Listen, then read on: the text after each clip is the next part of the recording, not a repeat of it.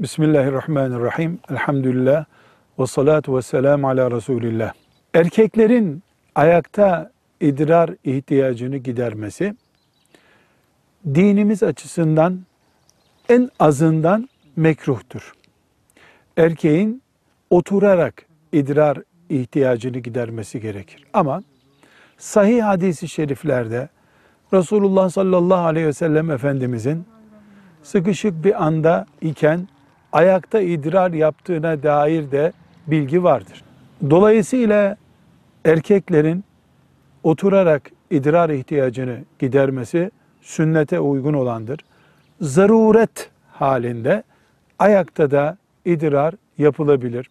Oturma sıkıntısından kaynaklanan veya yer sıkıntısından kaynaklanan bir zaruret söz konusu olabilir. Bunu prensip edinmemek gerekir. Yani ayakta idrar boşaltmayı prensip edinmemek gerekir. Bunun dışında zarureten ayakta da idrar yapılabilir.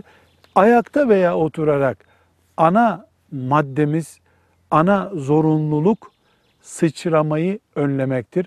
Çünkü kabir azabının temel nedenlerinden biri idrar sıçramasına dikkat etmemektir. Velhamdülillahi Rabbil Alemin.